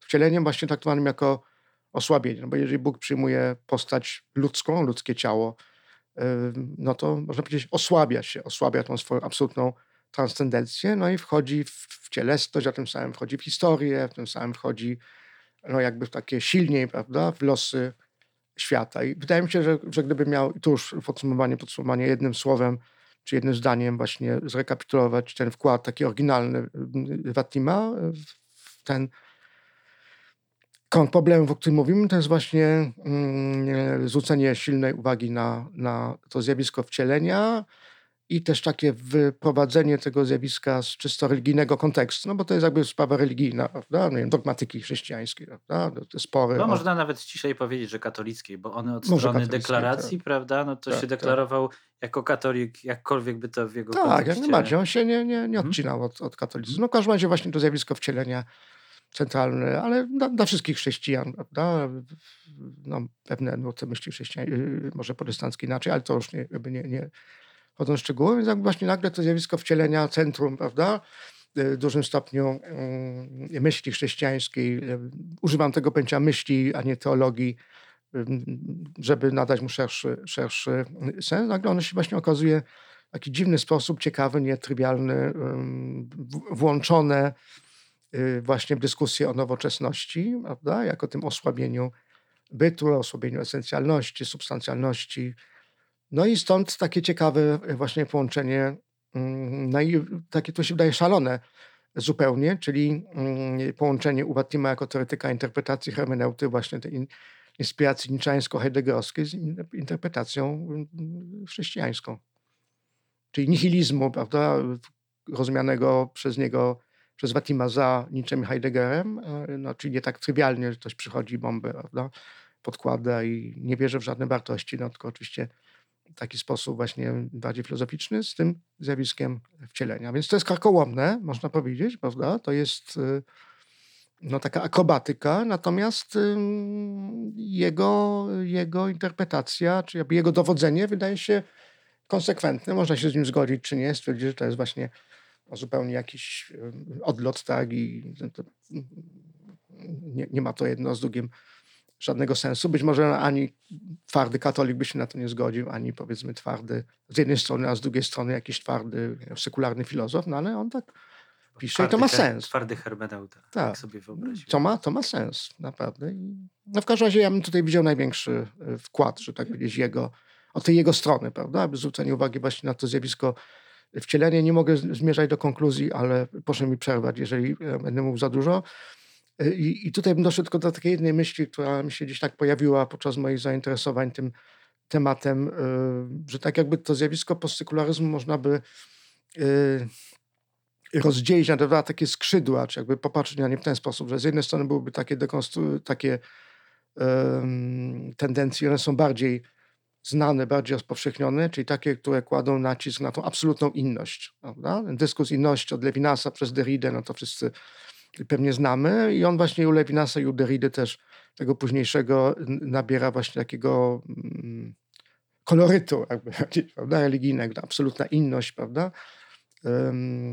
Ten głos, który nas wzywa, na który zawsze odpowiadamy, z tego Derrida też gdzieś tam właśnie w tych Tour de Babel chyba, czy Soblenom, czy innych pracach też y, próbuje jakoś wydobyć pewną koncepcję literatury, właśnie takie odpowiedzi, prawda, na, na, na ten głos innego, a z drugiej strony były właśnie te, to można by nazwać taką, ja powiedział, taką ogólną kulturą takiej radykalnej transcendencji, bo tu nie chodzi tylko o kontekst religijny, prawda, tylko jakby w ogóle o to cały taki dyskurs innego, który jest dzisiaj bardzo rozpowszechniony i który na przykład Żyżka czy Badia bardzo drażni, prawda, i mówią, że no już dość tego, prawda, że wszyscy inteligenci kulturalni, liberalni ciągle o tej inności mówią na wszystkim. No i, i, rzeczywiście to jest już takie chyba troszeczkę irytujące, za dużo tego.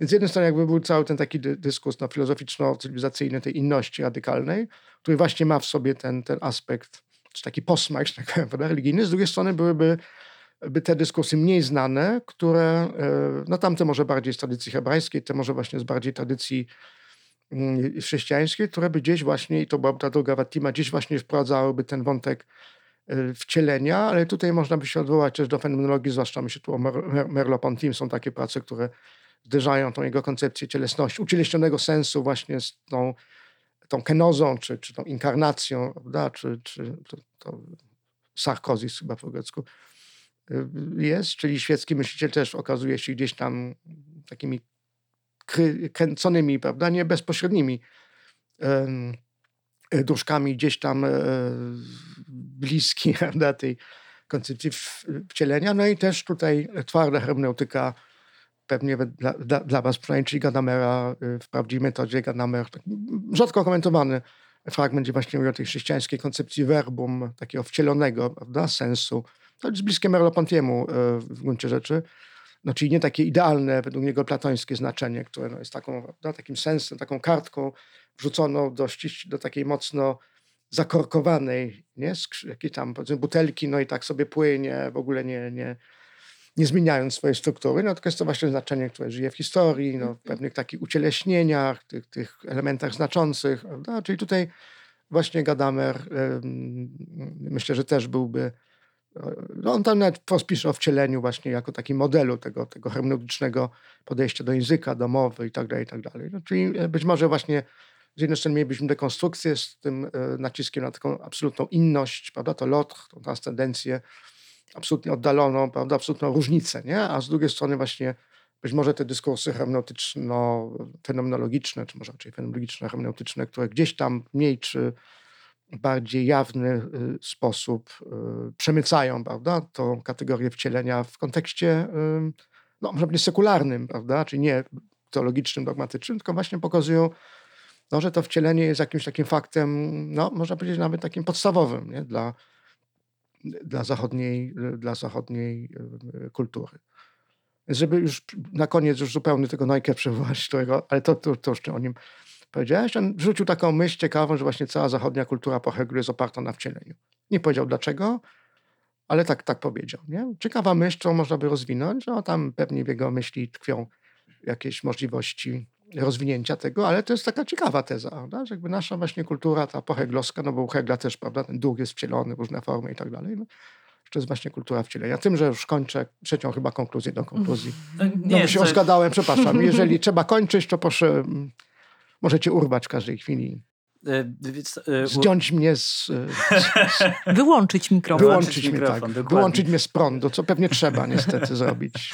Nie, bo e, kiedy, kiedy wspomniałeś o Nojce jako y, filozofię, który napisał zdanie i y, nie powiedział dlaczego i my się nad tym zastanawiamy, to przyszło mi do głowy, że to jest, to jest spora część historii filozofii. Mamy greckich filozofów, których tam znamy tak. z, z komentarzy, z jakichś tam sentencji, no i rozpracowujemy, próbujemy rozpracowywać ich koncepcje rozumienia różnych pojęć właśnie tak, na tak. podstawie tych e, pojedynczych, e, pojedynczych stwierdzeń. Znaczy Nojka był akurat, y, nie był człowiekiem religijnym.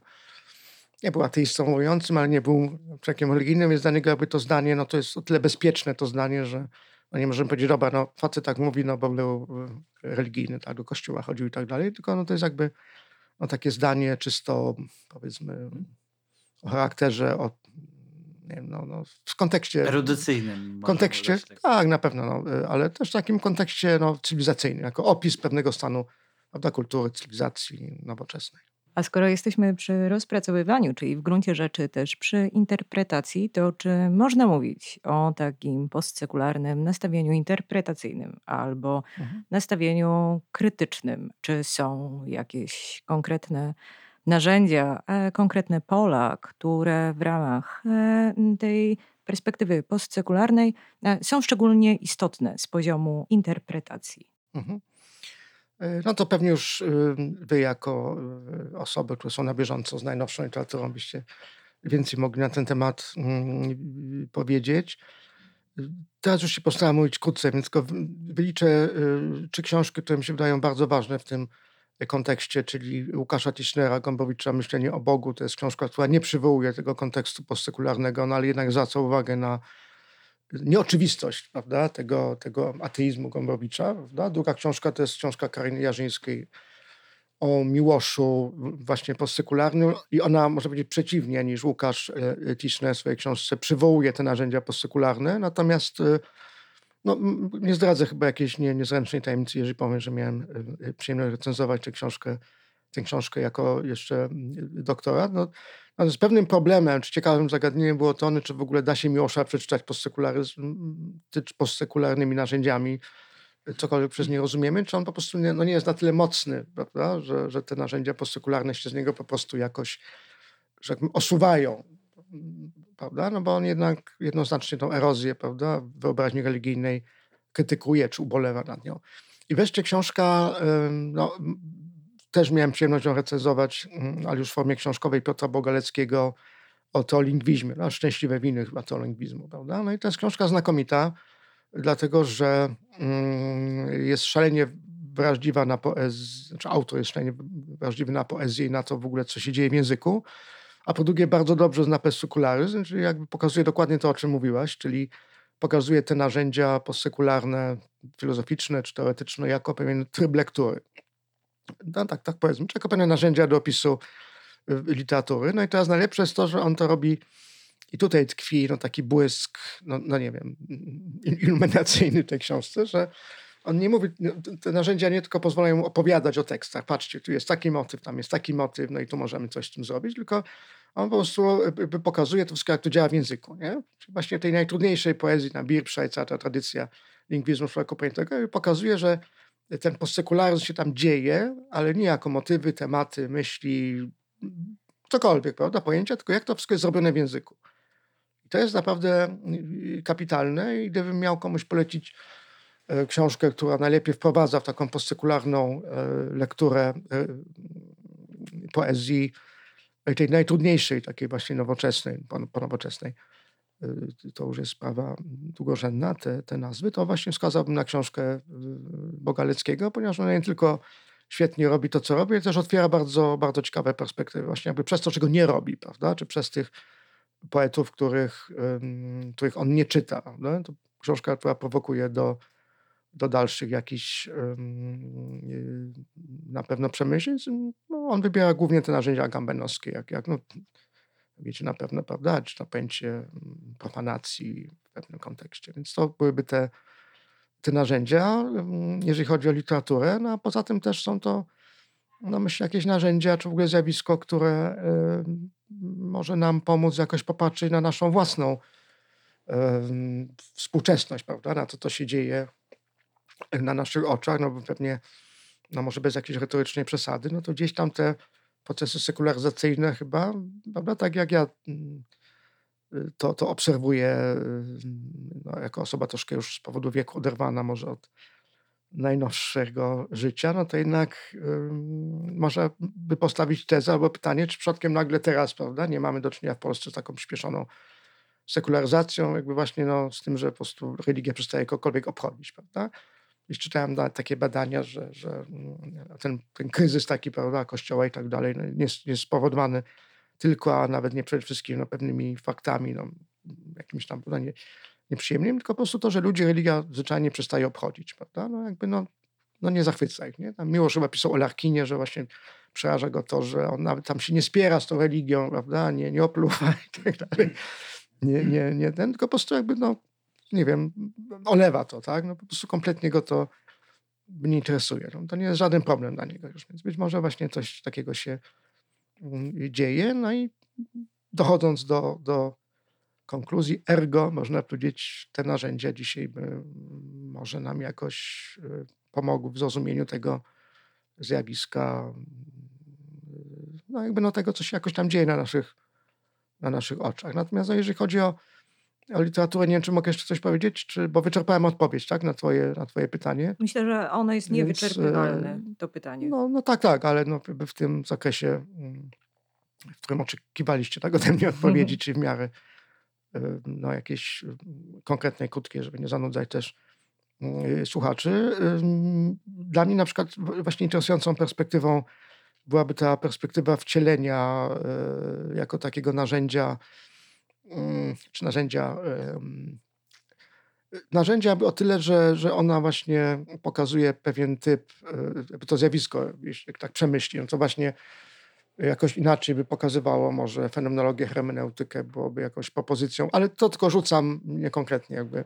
No inaczej nam pokazuje hermeneutykę po prostu, prawda, troszeczkę. Natomiast i to już tak zupełnie, no, o tym najkrócej, bo, bo to są jakieś tam moje zainteresowania. Y, Bardzo dużo tego wątku jest u y, Białoszewskiego. On nawet w pewnym momencie, znaczy w kilku takich swoich zapiskach pisze o tym, nagle rzuca też właśnie to wcielenie. E, U niego w ogóle religijność, Bogalecki o tym nie pisał, więc idę jego tropem. W ogóle ta jego religijność jest ciekawa, bo jest taka osłabiona. On tam, prawda? Nie, no nie jest człowiekiem religijnym, ale dużo chodzi do kościoła, uczestniczy w jakichś obrzędach, prawda? Przywołuje pewne teksty, do jogą też się interesuje. Więc jakby u niego to zjawisko jest takie magmowe, prawda? To nie jest wyznawca takiej czy innej religii, to nie jest coś, to w ogóle się religią nie interesuje. On się interesuje tym zjawiskiem w, kl- w, klu- w kluczu tej swojej metafizyki codzienności, żeby, żeby tak powiedzieć, prawda? Czy tam tego, dnia codziennego. Natomiast robi też takie ciekawe właśnie lingwistyczne e, fikołki, no, mówi cie, cielenie, wcielenie, prawda? Cie, ciele, cie, ciele, prawda? Sam cielem e, z cielęciem, tak? Jakby to zderza. To są bardzo takie ciekawe motywy. Druga sprawa to jest późny pilot, którego pewnie znacie też świetnie. To jest u niego szalone, rozbuchane, bo cały ten pilot, prawda? Późny jest tak roz, rozbuchany, że nie wiadomo, co z nim zrobić. Wydaje mi się na przykład, że właśnie tutaj to, to wcielenie em, z jednej strony taką tkankę codzienności jak u, i, i językową, nie? jak u Białoszewskiego, a z drugiej strony u pilota w sensie takim bardzo konkretnym, prawda? No, ten dziad taki ma e, na skórze wyryte po prostu, nie? Tak jak u kawki dosłownie, wyryte ma tą, ma tą ikonę. To jest takie wcielenie wersji mięsności, więc takie, nie? Czy nie wiem, co z tym zrobić, nie ma do tego klucza. No, a z drugiej strony na przykład jest taki bardzo tradycyjny y, Nowak, prawda? Mamy te powieści dwunasto czy inne, no, gdzie mamy ten świat właśnie taki harmonijny, takie kosmiczne wcielenie, takie w stylu Eliadego, prawda? No, utkwiła mi, to jest cudowna fraza, że gdzieś u, u, u Nowaka y, przez niebo przemknął archanioł i zapadł w lipcowe zboże, czy coś takiego. A Dla mnie, mnie to aż tak, jak to przeczytałem, nie, no to zdanie jest takie, nie, przemknął archanioł i zapadł jakiś, no, to jest, ale przepiękne, ale to jest takie właśnie bardzo takie organiczne, ludowe, biejskie, prawda? To, to sakrum jest tutaj, to jest ta kapliczka, prawda? No, którą pewnie tam wszyscy jeszcze znamy z dzieciństwa i tak dalej, i tak dalej. Natomiast właśnie te wersje czy Pilota, czy Białoszewskiego, to już byłyby takie może bardziej wersje tej wcieleniowości, takie y, ponowoczesne. To takie świetne opowiadanie Pilota też o chlebie. On tam gdzieś spotyka takie tony niemalże chleba wyrzucone gdzieś, znaczy narrator oczywiście, gdzieś tam wyrzucone, a taki chleb fabrykowany, prawda? Chleb z fabryki. To już nie jest chleb, no taki w tym sensie, nie wiem, no chrześcijańskim, czy tam matka czy babcia, jeszcze pewnie na, nasze mamy, babcie, no jak upadł kawałek chleba, no to się tam całowało, czy się, prawda, krzyż robiło nożem. Znaczy, no było tak, nie było, no ja to pamiętam. Ale tylko no właśnie chleb produkowany masowo, no ale chleb, no wiadomo, jest symbolem chrześcijaństwa. Więc tu jest kilka takich ciekawych właśnie, ciekawych wątków do, do być może właśnie do, do zinterpretowania. Prawda? Od takich tradycyjnych form tego wcielenia w takim sensie kosmicznym, po te nowoczesne, no być może właśnie to, ta profanacja, prawda, gambenowska, tylko że to narzędzie czasami się y, niestety, jak zauważyłem, tak mm, troszkę trywializuje, prawda? bo to nie jest po prostu profanacja w znaczeniu, że profanujemy coś, prawda, tak popularnie. Tylko przywracamy No jest do właśnie, życia, Agamben tak? inaczej to rozumie. Natomiast no, miałem wrażenie, że w takich niektórych językach krytycznych, no pewnie tak musi być, prawda, no bo, bo tak to już jest, że jak pewne pojęcia stosujemy, roz, kminiamy, że tak powiedzieć, no to one potem no, tak się rozcierają, ale, ale mm, no w każdym razie, w każdym razie mm, by tak to by wyglądało. Natomiast zastanawiałem się, czy nie dałoby się tutaj przywołać też e, heglowskich narzędzi do opisu tej, te, tego zjawiska, o którym mówimy. Z jednej strony mielibyśmy substancję, z drugiej strony podmiotowość, prawda? Jeszcze tą substancjalność rozumiem jako taką organiczność, immanencję sensu, prawda? Takie, zap- nie tak jak u Hegla jest substancjalność, prawda? No to upodmiotowienie jest rozbiciem tej substancjalności, prawda? Wyjściem poza tę substancjalność, krytyką, prawda? Różnicą, negacją. Mniej więcej no, można budować różne skojarzenia terminologiczne, ale no to jest taka właśnie negacja, która podważa tą taką bezpośredniość, prawda? Czy taką głupotę tej bezpośredniości, można powiedzieć, czyli, czyli taką nierefleksyjność, o, naiwność, y, ale też to nie jest krytyka, która ją zupełnie usuwa. Upodmiotowienie uzna, prawda, u Hegla oznacza właśnie taki krytyczny stosunek, ale też nie odrzucenie zupełne. Czyli być może właśnie dzisiaj ta, ta, pos- to- ten, ten postsykularyzm mógł być rozumiany jako takie heglowskie zjawisko upodmiotowienia, w, w tym znaczeniu, że no może zwłaszcza w naszym kontekście polskim, prawda, gdzie religijność była takim faktem oczywistym, prawda, niekwestionowalnym, organicznym, związanym z naszym życiem, obrzędy, tradycje i tak dalej. Nikt się nad tym zastanawiał, ale wszyscy byli, prawda, w tym. Natomiast być może dzisiaj właśnie dochodzi do takiego zjawiska i być może w ogóle ten postsekularyzm można by też tak rozumieć jako takie upodmiotowienie tych takich organicznych, prostych, jeszcze jakichś takich, no ludowo-wiejskich, prawda, form religijności. No i nadanie im takiego bardziej świadomego, ale też krytycznego kształtu, prawda? No bo wiadomo, że postsekularyzm nie jest takim prostym powrotem do religii. Likwidujemy sobie, prawda, całą tą narrację sekularną i wyrzucamy to i wracamy sobie, nie do świętego Tomasza, prawda, czy, czy gdzieś tam, tylko no jest to już coś zupełnie innego, zupełnie inna postać tej, tej, tej religijności, no właśnie taka osłabiona, no tu można oczywiście różne metafory stosować. Powiedziałem za dużo znowu, ale no tak mnie to pytanie jakoś zainspirowało bardzo. Zresztą Michała też. W tym, jak e, odpowiadałeś, udało ci się zmieścić dwa pytania w cenie jednego. Ponieważ e, i tak mieliśmy cię pytać o to, co to wnosi już, już tak bliżej naszej działki do badań Mhm. literaturoznawczych i Tak. kulturowych. M, A e, d- o, o, ostatnia jeszcze rzecz, czy tutaj podzieliłeś się z nami oczywiście różnymi tekstami dostarczyłeś wielu tropów do tego, jak w konkretnych tekstach konkretnych autorów można takich e, tropów postsekularnych się doszukiwać. Ale w duchu naszej tradycji kulturowej polecajki, czy jest jakiś tekst kultury, który e, chciałbyś nam szczególnie polecić, taki już trochę dalej od tych e, badawczo-naukowych języków i rozważań? A ja sobie pomyślałam, nie wiem, czy widzieliście, bo to jest moje ostatnie późne odkrycie, późne w stosunku do premiery, czyli Midsommar Ariego Mhm. Astera. Jasne. Nie widziałem niestety. Tak, Także tak, tak, tak. tak. Dziękuję za podpowiedź. Na pewno się tutaj... O, to tym razem polecajka zadziałała w drugą stronę. Absolutnie. No, na, na, to, na to liczyłem. Horror, który rozgrywa się w świetle dnia i pracuje na takich e, napięciach związanych z e, zamkniętą społecznością szwedzką, która. Kojarzę. Nie widziałem, tak. ale kojarzę. Netflix. Nie, nie, nie, tego nie ma na, e, na Netflixie, to jest na innej platformie streamingowej, ale jest e, dostępne, jest, e, są dostępne dwie wersje, wersja reżyserska jeszcze przede mną, natomiast również ta kinowa jest niezłym materiałem Wydawało mi się, że to chodzi o taką interpretacyjnym. zamkniętą społeczność kobiecą. Te kobiety składają jakąś ofiarę. Nie, nie, ale, Nie, taki, to- ale to- to brzmi jak coś, co Brzmi jak coś, mogłoby się tu wydarzyć, no bo No. sama też ta formuła takich horrorów, które e, rozgrywają się w zamkniętej Tak, e, tak, tak. społeczności, która jest podporządkowana jakimś rytuałom, przyjeżdża ktoś z zewnątrz, obserwuje te e, rytuały, no i wówczas zaczyna e, dokonywać pewnych ocen i najczęściej może być za te oceny ukarany. Albo to idzie w drugą stronę, to znaczy osoba z wewnątrz odkrywa, Tak. że ta e, rzeczywistość jest zrytualizowana i próbuje wyjść poza ten krąg. Tak mamy na przykład Tak, w tak. osadzie. No tutaj takie, to są takie fabuły, że grzechem by było spoilerować, e, więc tego nie będziemy robić, co się tam na końcu wydarzy, ale na pewno też właśnie w e, duchu e, postsek- postsekularnym ten film można obejrzeć. Jestem fanem Wielkim Archiwum X i tam jest e,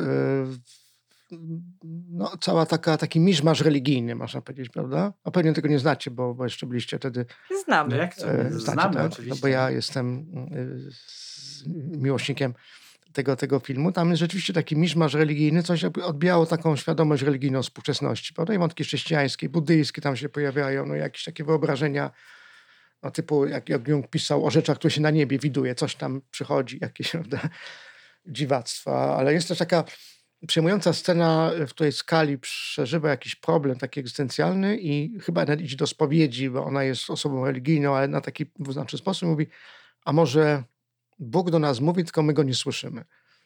Nie? To jest takie zdanie bardzo, no takie, nie wiem, głębokie, prawda? W filmie popularnym nagle coś takiego pada, prawda? Ale oczywiście to, jeżeli chodzi o horrory, to pewnie moglibyśmy postsekularne, to pewnie byśmy mogli tutaj różne jeszcze, bardzo wiele Tak. podcastów zrobić. Dziękuję bardzo. Mówiłem za dużo, przepraszam, ale prowokowaliście mnie do, tak, do takich, no takie były ciekawe pytania, że to jest Oczywiście, wasza transmisje krytyczne są po to, żeby prowokować. wina. Jesteśmy e, z tego zdani jako e, wielcy I transmitować do oporu. Dokładnie, do oporu. E, Do oporu, chociaż ten opór właśnie przychodzi, ponieważ niniejszym doszliśmy do e, zakończenia dziesiątego odcinka, to znaczy kończy się pierwszy sezon naszych transmisji. No i zobaczymy, co przyszłość przyniesie. Ale z naszej strony strasznie ogromnie e, dziękujemy. Pozdrawiamy serdecznie wszystkich, e, wszystkie osoby słuchające. No i słyszymy, się. Niniejsza publikacja została sfinansowana ze środków priorytetowego obszaru badawczego Heritage w ramach programu strategicznego Inicjatywa Doskonałości w Uniwersytecie Jagiellońskim.